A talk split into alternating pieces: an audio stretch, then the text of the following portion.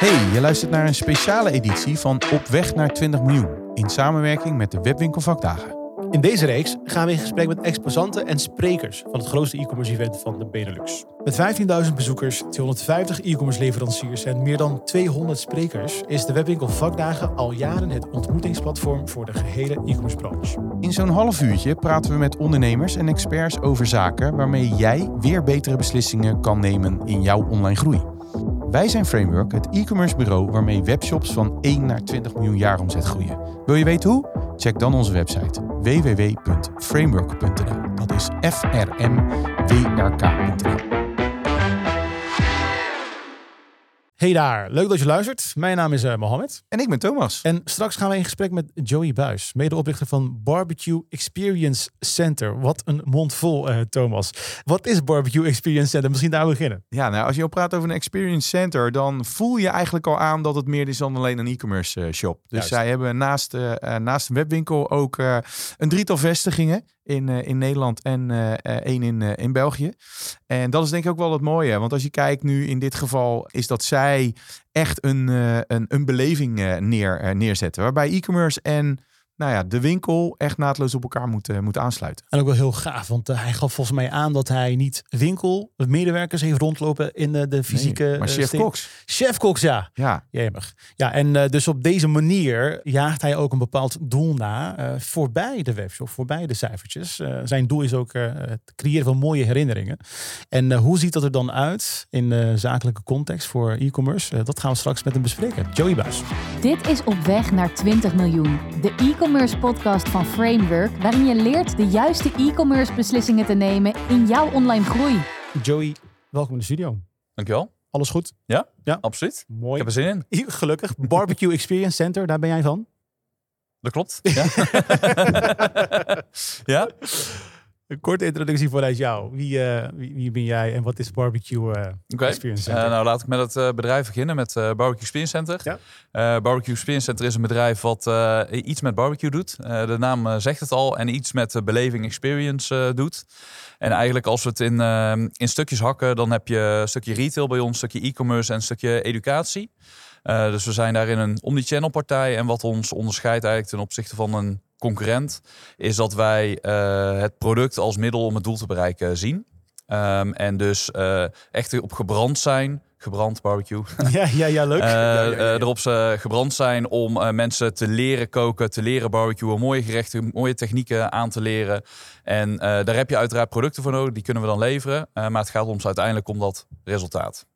Nou, wat ik, wat ik, wel, wat ik wel mooi vind aan, aan de introductie ook uh, van Joey is dat hij eigenlijk zegt van oké, wij hebben iets gecreëerd, drie facetten, wat de middel is om uiteindelijk zeg maar het doel te bereiken en dat is het mooie gerecht neerzetten.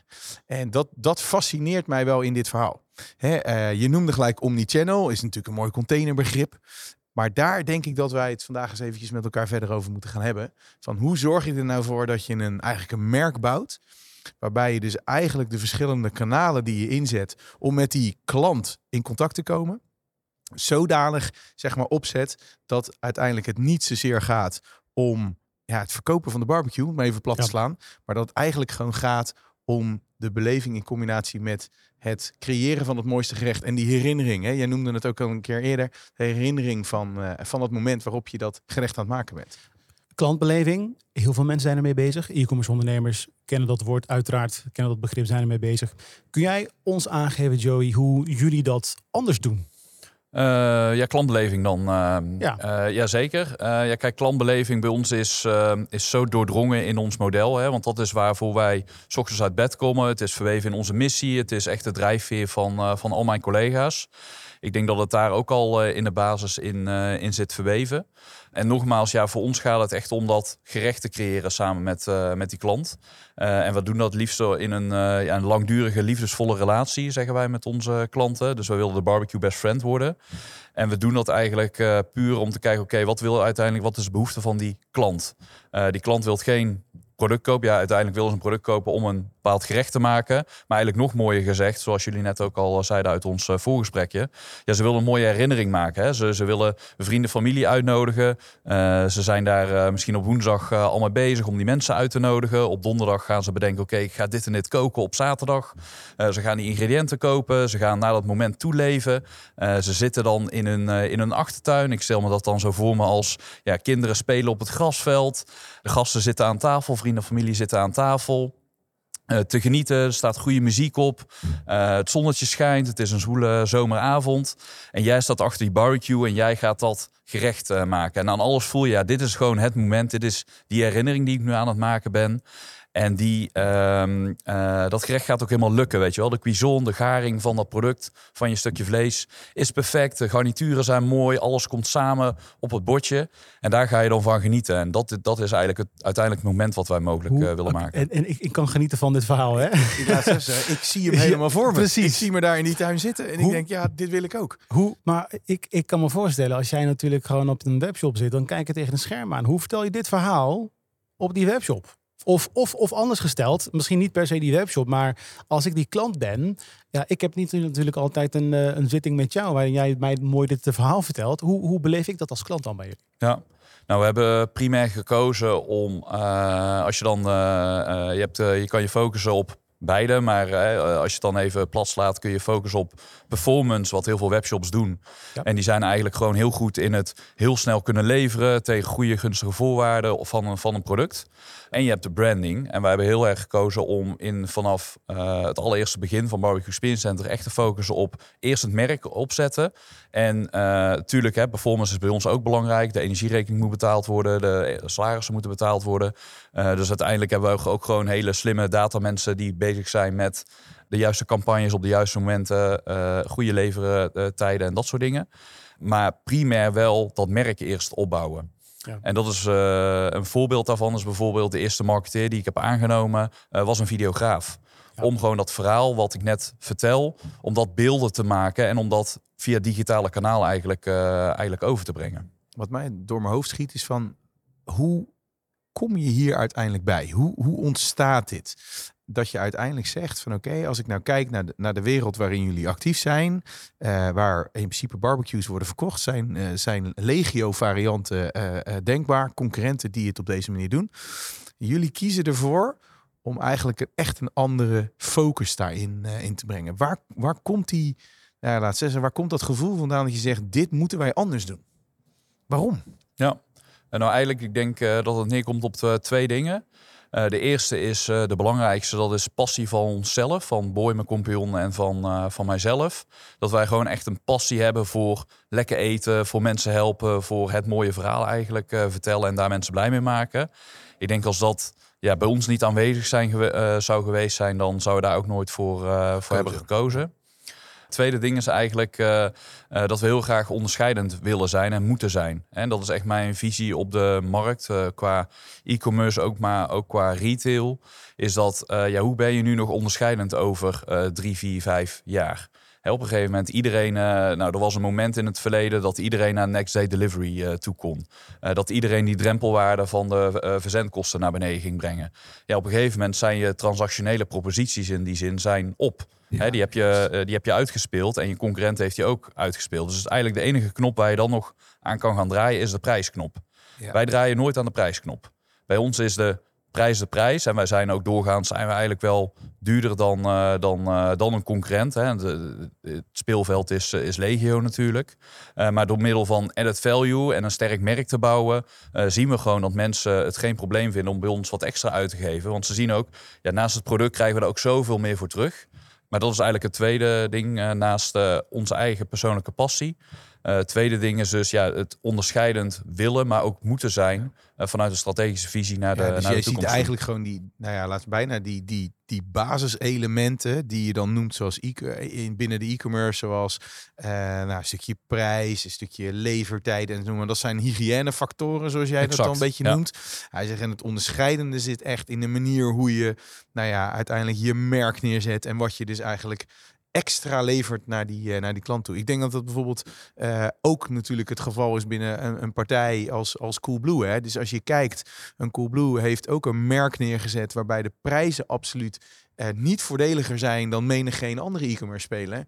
Maar zij dus kunnen onderscheiden door hun manier van nou ja, denken die ze uiteindelijk hebben gedaan. En dat is eigenlijk ook wel een beetje wat, eh, wat jij zei. Wel op een ander niveau. Want jullie gaan in mijn ogen nog echt een stapje verder. Doordat je eigenlijk zegt van joh, wij zijn er om jou het juiste en het mooiste gerecht neer te laten zetten. Wat je maar kan bedenken. En daar hebben we middelen voor. Dat is een barbecue. En daar gaan wij je bij helpen. Ja. Want jullie gaan daar zelfs zo ver in dat jullie zeggen wij hebben geen verkoopmedewerkers. Maar wij hebben gewoon mensen, chef Cox eigenlijk, die, eh, eh, eh, die jou ja, ondersteunen en helpen bij de keuze voor, voor de juiste barbecue. Ja, exact. Kan je daar ook iets over vertellen? Wat, wat daar nou ja, de Ja, gedachte dan achter Absoluut. is? Ja, nou de chef-koks die zijn het meest eh, of het makkelijkste toegankelijk in onze fysieke retail locaties. Dat zijn experience centers. We zitten nu op drie locaties in eh, Nederland en België. En dat zijn ook echte experience centers. Dat zijn oude fabrieken die we hebben omgebouwd naar, eh ja, naar barbecue center. En dat is een oude jeneverfabriek, een oude melkfabriek en een oude meelfabriek. Dus, eh, en de historie van dat pand, die, die merk je daar nog echt. En de oude elementen, in die melkfabriek is de oude pasteuriseermachine is daar nog zichtbaar. Eh, de oude bottelmachine, zeg maar, staat nog midden in de, in de showroom. En dat, dat voel je aan alles. Nou, en in het midden van die inspirerende locatie ga je dus geen verkoopmedewerkers eh, ontmoeten die met jou de specificaties van een barbecue kunnen opsommen. Want je hebt gewoon je research online gedaan en je weet precies, ja, dit, Juist. dit, deze barbecue heeft een rooster van 46 centimeter en die van 42 centimeter. Maar ja, wat kan je er dan echt mee? En wat, eh, wanneer zou je voor 46 centimeter moeten kiezen en wanneer voor 42 centimeter? Even een heel eh, makkelijk, eh, makkelijk En voorbeeld. er wordt gewoon gekookt in de Experience Center dan ook? Absoluut, ja. En dat, dat zijn dus de chef-koks die daar deels onze workshops doen. Hè. We geven heel veel workshops waar je gewoon voor kan inschrijven. En dan, dan ga je lekker met een chef-kok aan de slag. Eh, vijf uur, vijf gerechten meestal duren die eh, workshops. Eh, maar je ontmoet ze ook gewoon op de vloer als je bij ons binnenloopt. Dan, eh, ja, dan kan je gewoon een gesprek mee aangaan. En die gesprekken gaan dan meestal over... Ja, wat, wat wil je nou eigenlijk gaan maken? En ik ga je daarbij helpen. En ja, oké, dan heb je deze producten daarvoor nodig. Maar ze gaan bijna nooit over technische specificaties of iets dergelijks. Als jij dus de, de, de naam is ook Barbecue Experience Center en de, de fysieke winkel heeft een grote rol. Hoe zie jij de balans tussen die fysieke winkel zoals jullie hem hebben ingezet eh, en de webshop? Nou, ik denk dat eh, eh, het merendeel van de, ehm, van de customer journeys bij ons digitaal begint. Ja. Eh, dus ze kennen ons van een van. we, we hebben bijvoorbeeld een, een goed lopend YouTube-kanaal. We maken heel veel video's. We zijn best wel actief op social media. We maken heel veel inspirerende content. Heel veel recepten die we gratis ter beschikking stellen. Bepaalde receptenboekjes, dat soort dingen. Dus ik denk dat dat een heel belangrijk eerste touchpoint is in die customer journey. Maar wij zitten in het midden-hoogsegment op eh, barbecue-gebied. Dus een gemiddelde barbecue bij ons is, ja, zeg even 1500, 2000 euro.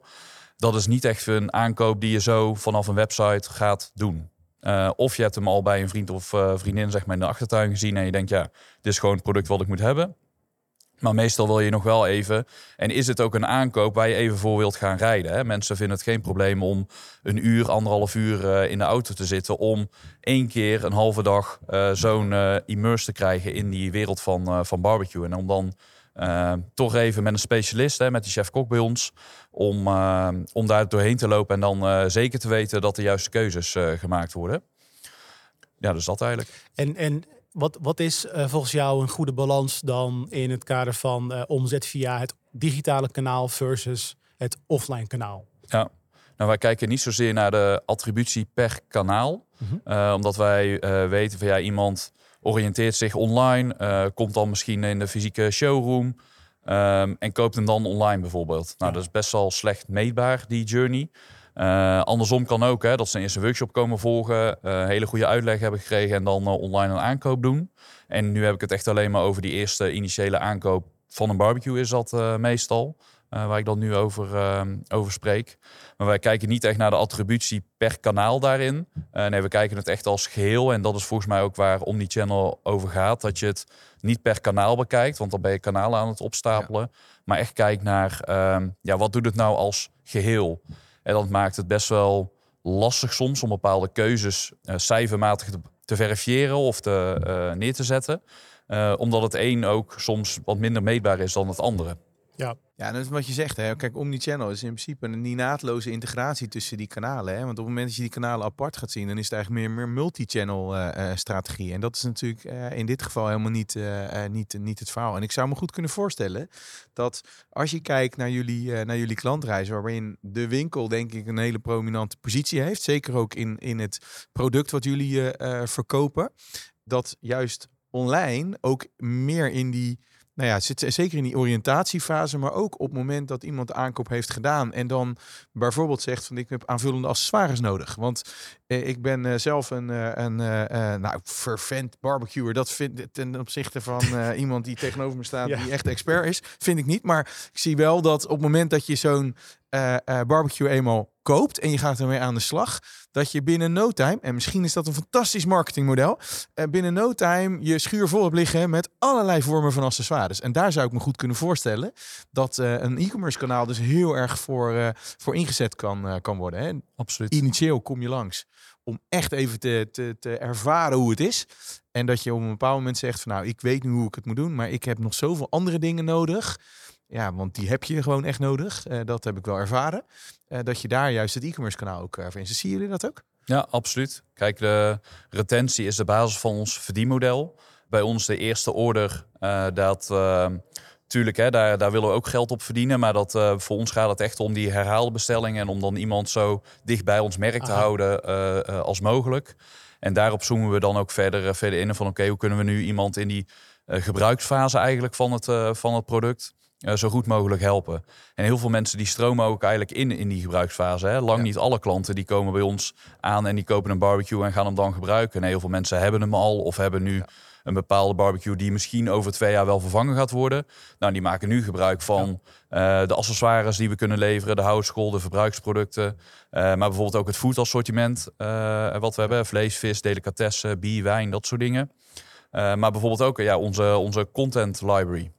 Ja. En de, uh, de boeken die we, die we publiceren en de, de workshops die we, die we organiseren. Ja, die zijn prima toegankelijk. Ook al heb je bij ons niet die initiële barbecue natuurlijk uh, gekocht. Nee, en als je dan zegt, als je dan praat over een stukje retentie, om dan ook eens de luisteraar een beetje een beeld bij te geven. Hoe, hoe doen jullie dat? Hoe zetten jullie dat dan uiteindelijk in? Je noemde net al een aantal voorbeelden waarop je retentie kan inzetten. Uh, ik noem maar wat, kookboeken, workshops, noem maar op.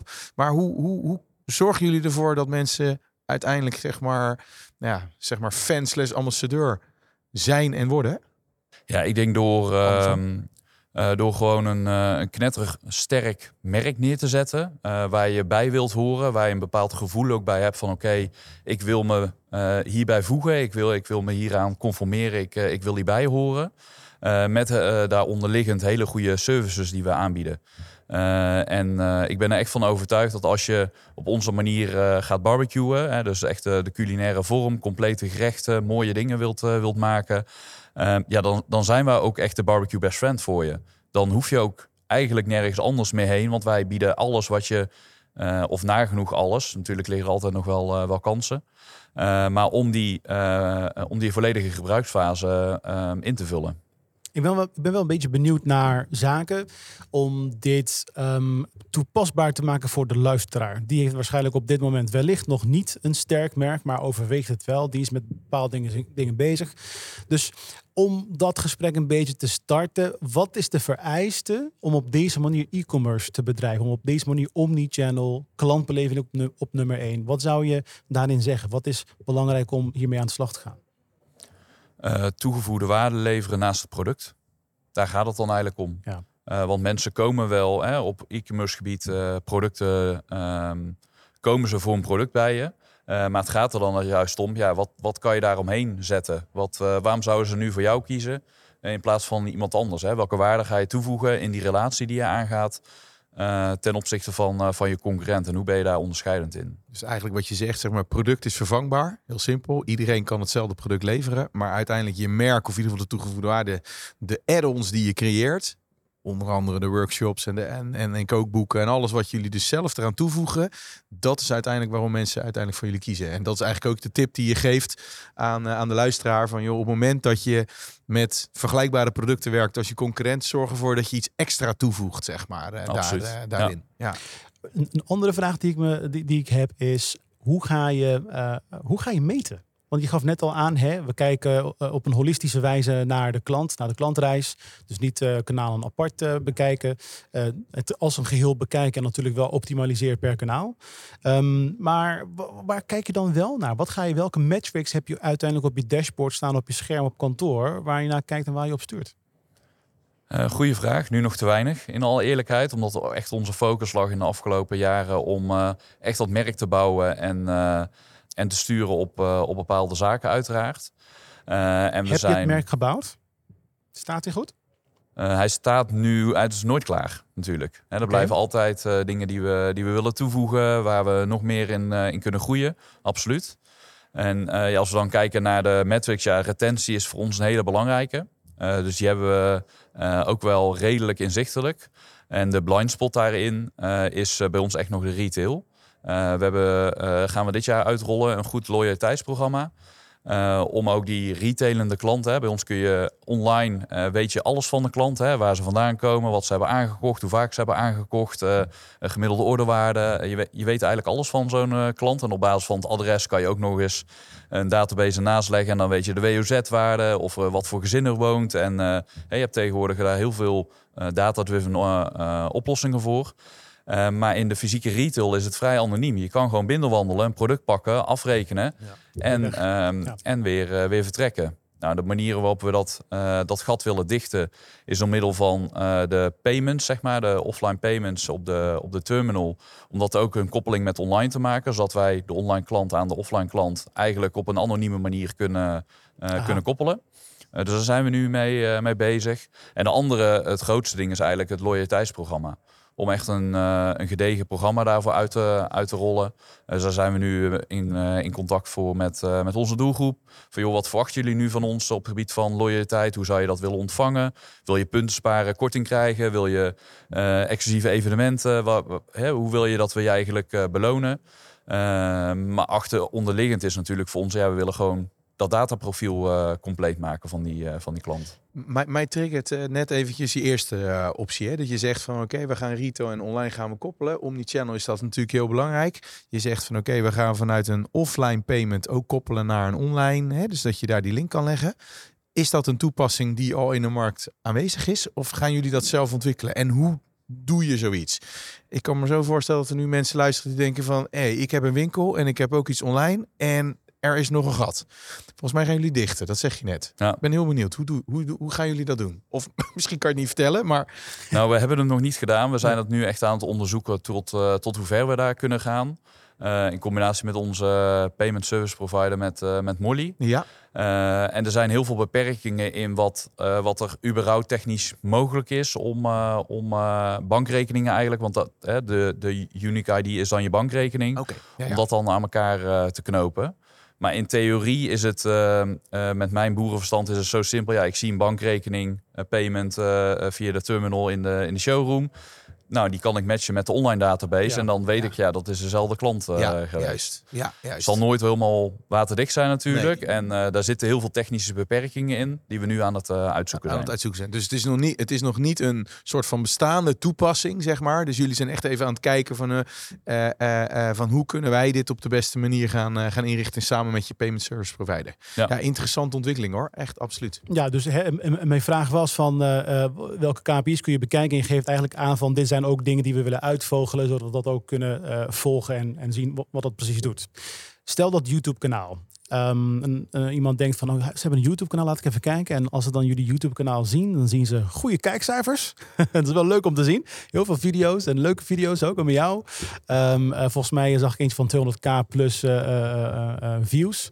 Dus dat zijn allemaal mooie cijfers dan heb je natuurlijk een beeld van oké, dit doet wat. Als je 200.000 keer een video hebt, eh, bekeken hebt op je YouTube kanaal. Maar anderzijds, er zijn natuurlijk wel signalen die jij oppikt. Um, is dat dan uh, persoonlijke interacties? Is dat kwalitatief, kwantitatief? Hoe, hoe, hoe merk je ergens, heb ik een goed merk gebouwd, ja of nee? Hoe kan je dat een beetje polsen? Of hoe hebben jullie dat eigenlijk gewoon uh, feitelijk gedaan? Um, nou, eigenlijk, uh, je kan daar volgens mij hele dure onderzoeken naar laten doen. Van ja, hoe ligt je merk nou in de markt en hoe uh, bekend ja. is je merk natuurlijk. Hè? Ja. Daar heb je gewoon uh, onderzoeksmethodes voor. Dat doen we niet. Wij doen het gewoon op basis van ja, wat, wij, wat wij horen uit de markt. Hoe komen mensen bij ons terecht? Uh, wat vinden ze, wat ervaren ze als prettig? Wij uh, zijn heel erg gericht om in co-creatie bijna, of in ieder geval op basis van de behoeften van onze doelgroepen, dingen te ontwikkelen. Om die eerst kleinschalig neer te zetten en dan verder, verder op te laten schalen. En daar organiseren we ook best wel wat initiatieven intern voor. We hebben bijvoorbeeld een klantenpanel waar klanten zich vrijwillig voor hebben aangemeld. Eigenlijk zoals jullie ook met de podcast laatst, laatst hebben gedaan. om met ons mee te denken over onze toekomstige dienstverlening. Um, ja, en daar, daar doen we dus hè, testjes in. Of daar zeggen we oké, we willen bijvoorbeeld met loyaliteit beginnen. wat verwacht je van ons? En nou, zij geven dan een input, zij geven hun mening. En daar, daar gaan we dan mee, mee verder. Ander initiatief wat we intern doen is uh, de Custom Insights Sessions. Uh, waar eigenlijk een dwarsdoorsnede van onze organisatie maandelijks bij elkaar, uh, bij elkaar komt. Om ja, kennis uit te wisselen van oké, wat zijn nou echte reacties vanuit onze doelgroep? hoe beleven ze dingen? Hoe ervaren ze dingen? en daar is het merk natuurlijk ook een, ook een belangrijk topic in. En daar zie je wel van ja, hoe, hoe mensen het ervaren en hoe ze die dienstverlening ervaren en hoe, ze dat, hoe ze dat merk vinden. En zo doen we nog wat andere dingen, maar dat zijn de twee, uh, twee belangrijkste. Ja, als we nou kijken, hè, we, zijn, uh, we zijn de podcast op weg naar, uh, naar 20 miljoen. Uh, ik hoor jou nu een aantal dingen zeggen. Dus nou kan ik me ook voorstellen dat er, uh, dat er nu geluisterd wordt en denkt van ja, oké, maar goed, zij, zij zijn zodanig groot. Dan kunnen ze dat allemaal. Kan je een klein beetje duiden waar jullie nu zeg maar staan? Wat zeg maar jullie omvang is? En hoe je misschien als we dan een paar stapjes teruggaan, dingen hebben gedaan. Zodat je het ook wat kleiner kan maken voor, voor partijen die zeggen, joh, maar ik zit nu op, op 2 miljoen. En ik wil inderdaad aan, dat, aan, aan die branding gaan werken wat zouden dan je eerste stappen zijn? Dus eerst, eerste instantie maar eens even duiden van, joh, wat hebben we eigenlijk helemaal niet eens over gehad. Hoe omvangrijk is jullie club nou? En twee, van joh, als je nou wat kleiner bent, kan je dan op deze manier ook aan de slag gaan? Of moet je dan anders? Hè? Want jij hebt al echt fans. Jij, jij kan met die mensen gaan, uh, gaan praten. Ga ik eventjes vanuit. Het is natuurlijk een veel gemaakte opmerking. Dan zeggen we ja, maar, uh, maar die heb ik nog niet. Hoe ja. doe ik dat dan? Ja. Nou, om uh, fan van uh, een merk te worden, zal je eerst een merk moeten bouwen. Dus Juist. dat is, uh, ja, dat is even de eerste stap. Ja. maar even ja, onze omvang nu ongeveer. We zitten op ongeveer 60 mensen, 65 mensen. we zijn, Barbecue Experience Center is in maart 2019 gestart. Dus dat is nu bijna vijf jaar geleden. We staan bij, het merk bestaat bijna vijf jaar nu. we zijn in best wel korte tijd naar de 10 miljoen gegroeid. Dat was in drie jaar volgens mij. En we zitten nu ongeveer ja, op de helft tussen 10 en 20. Uh, en we verwachten dit jaar toch wel richting die 20 uh, weer uh, door te groeien. Nou, dat is wel heel ambitieus, denk ik. Maar ik denk dat we ergens ja. nog... Ambitie is ja. altijd goed, hè? Ja, precies. Ja. maar dat is ongeveer onze omvang. En uh, ja, dat, uh, ik denk dat je gewoon uh, moet beginnen. En wij hebben dat businessconcept zo geschreven en er echt in geloof van oké, we willen onderscheidend zijn. We, we vinden branding first. En dat, dat vond zo belangrijk, omdat we dan ons verhaal kunnen vertellen eigenlijk. Niet op een performance manier, maar op een branding manier. Ja. Uh, dus dat is ook bijvoorbeeld de reden, de eerste marketingmedewerker die ik heb aangenomen, dat was een, uh, een videoproducer. Ja. En inmiddels hebben we twee en ze maken fantastische content. We hebben een marketingteam van acht mensen nu, waar we komend jaar ook weer wel wat profielen aan gaan, gaan toevoegen. Maar ik denk dat het gewoon, ehm, ja, voor ons was het in ieder geval zo, vanaf het allereerste begin van ja, wij hebben een krachtig verhaal wat we willen vertellen. En daar, daar hoort gewoon een sterk merk bij. Dus. Ja. Heeft het gelijk aangeslagen in jouw gevoel vanaf het begin, toen jullie de, al de eerste stappen uh, gingen zetten? Uh, nou, als we dan even. Uh, ik heb net verteld van we bestaan nu bijna vijf jaar, het merk mm -hmm. Barbecue Spin Center. daarvoor hebben we eigenlijk gewerkt aan onze product market fit, zoals dat dan oh, een mooie, mooie term heet. En dat was eigenlijk in een periode van, ik had gewoon nog, ik werkte ook bij een bureau, ik was business consultant en mijn compagnon boy, dat was een horecachef. Um, en nou, de horeca was hij beu. En dus hij dacht van ik, uh, uh, maar ik vind het wel heel leuk om met eten bezig te zijn en om mensen te begeleiden naar een mooi, naar een mooi gerecht. dus, maar de horeca ben ik helemaal beu. Ik ga in een kookwinkel ga ik, ga ik werken. en dat was toevallig van hetzelfde, van hetzelfde restaurant. Nou, hij vond dat super leuk, want hij kon mensen helemaal vol passie helpen en, en goed begeleiden. Het beleid op die winkel was iets minder, dus die ging op een gegeven moment failliet. En toen heeft hij gezegd, nou dan begin ik mijn eigen kookwinkel. we zijn twee jeugdvrienden van elkaar. En toen hebben we eigenlijk gezegd, nou ik ga je wel, laten we dat dan een beetje samen oppakken. Dus ik heb hem toen een beetje rond met de marketing en financials iets, iets in gedaan. En nou, dat ging eigenlijk best goed. Maar op een gegeven moment kwam daar de Big Green Egg, hè, ons, ons grootste merk, de, de groene Kamado, die keramische eieren, zeg maar, die toen kende niemand dat merk nog. Niemand wist wat een Kamado was. Uh, eigenlijk barbecue, hoe wij dat nu doen, wat gemeengoed is eigenlijk is in Nederland, dat, dat kende nog niemand. maar ik weet nog perfect dat moment dat Boy daar die barbecue in zijn, in zijn kleine kookwinkel had staan. En hij begon erover te vertellen. Ik kende het ook nog niet in alle eerlijkheid. En ik werd op slag verliefd op dat ding. Ja. Dus ik denk, ja, maar wij je hebt een heel mooi verhaal hierbij. Uh, en je gaat echt wel iets verkopen als je het één op één hier in die kookwinkel uh, gaat, uh, gaat vertellen. Maar we moeten het eigenlijk één op vele gaan vertellen. Want het is een veel krachtiger verhaal om alleen maar hier in die kookwinkel te vertellen. Dus we moeten workshops gaan geven. We moeten ons aansluiten bij evenementen. We gaan een webshop maken en daar meteen ook recepten op zetten. Zodat we ja, onze passie voor lekker eten kunnen, kunnen uitstralen. En zo is dat eigenlijk een beetje als side project fonds ja. uh, begonnen. Maar wanneer, wanneer dacht je, we hebben product market fit? Want dat noemde je net. Wat was dat moment? Uh, eigenlijk op het moment dat we uh, het niet meer zelf konden bezorgen. Uh, dus natuurlijk, we hebben verkochte barbecues, dus die moeten dan bij de mensen thuis geleverd worden. dat is geen PostNL pakketje, dus dat deden we dan zelf. In de, in, we hadden op een gegeven moment een busje, maar in eerste instantie nog echt in de achterbak van de auto. En dan uh, zet je ze in elkaar bij, uh, bij die mensen thuis. Uh, aansteken, glaasje wijn erbij. fantastische avonden gehad.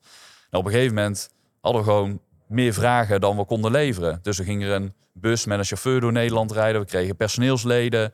Ja, en toen ging het ineens wel stappen maken. En toen dachten we wel van ja, eigenlijk is het nu geen side project meer. het is gewoon, het wordt onze main business. Uh, toen hebben we nog een keer een rondje gemaakt. Oké, goed onderzoek gedaan. Uh, businessconcept geschreven. En dat is Barbecue Spin Center uh, geworden. Dat is dus nu ja, iets meer dan vijf jaar geleden dat we daarmee aan de slag zijn gegaan.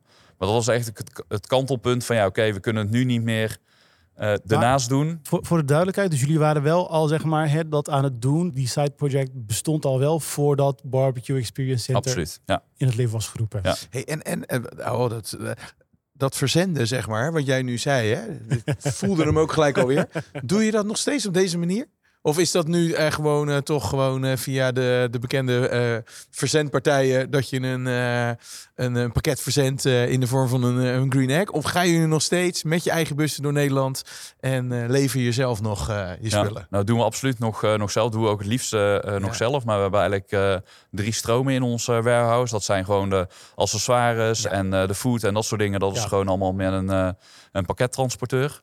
Uh, dan hebben we de ongemonteerde leveringen. Voor mensen die ervoor kiezen, ja, die krijgen dan gewoon via een door ons geselecteerde pallettransportvervoerder. Uh, uh, wordt er dan gewoon een timeframe afgesproken. En dan wordt gewoon eigenlijk die barbecue ongemonteerd om pallet bij die mensen thuis bezorgd. Maar het liefste doen we nog wel. Hè, we meerdere, onze eigen logistiek, meerdere bussen door Nederland en België rijden om uh, met een eigen medewerker vanuit ons, die dan ook ter plekke nog een praatje kan houden. Ja. Uh, komt hij helemaal gemonteerd, zetten we hem bij je in de achtertuin en we vertrekken pas weer als de klant helemaal, helemaal happy is. En dat is toch eigenlijk wel de dienstverlening die je wilt bieden, ja. ja. Zo gezegd, zo gedaan. Bijna 20 miljoen inmiddels op weg, mooi op weg. Joey, wij gaan jou bedanken voor je komst en je tijd. Graag gedaan. Leuk. jou. Dit was Op weg naar 20 miljoen. De podcast die je helpt betere beslissingen te nemen in jouw online groei. Ga voor meer afleveringen naar je favoriete podcast-app. En vergeet je niet te abonneren.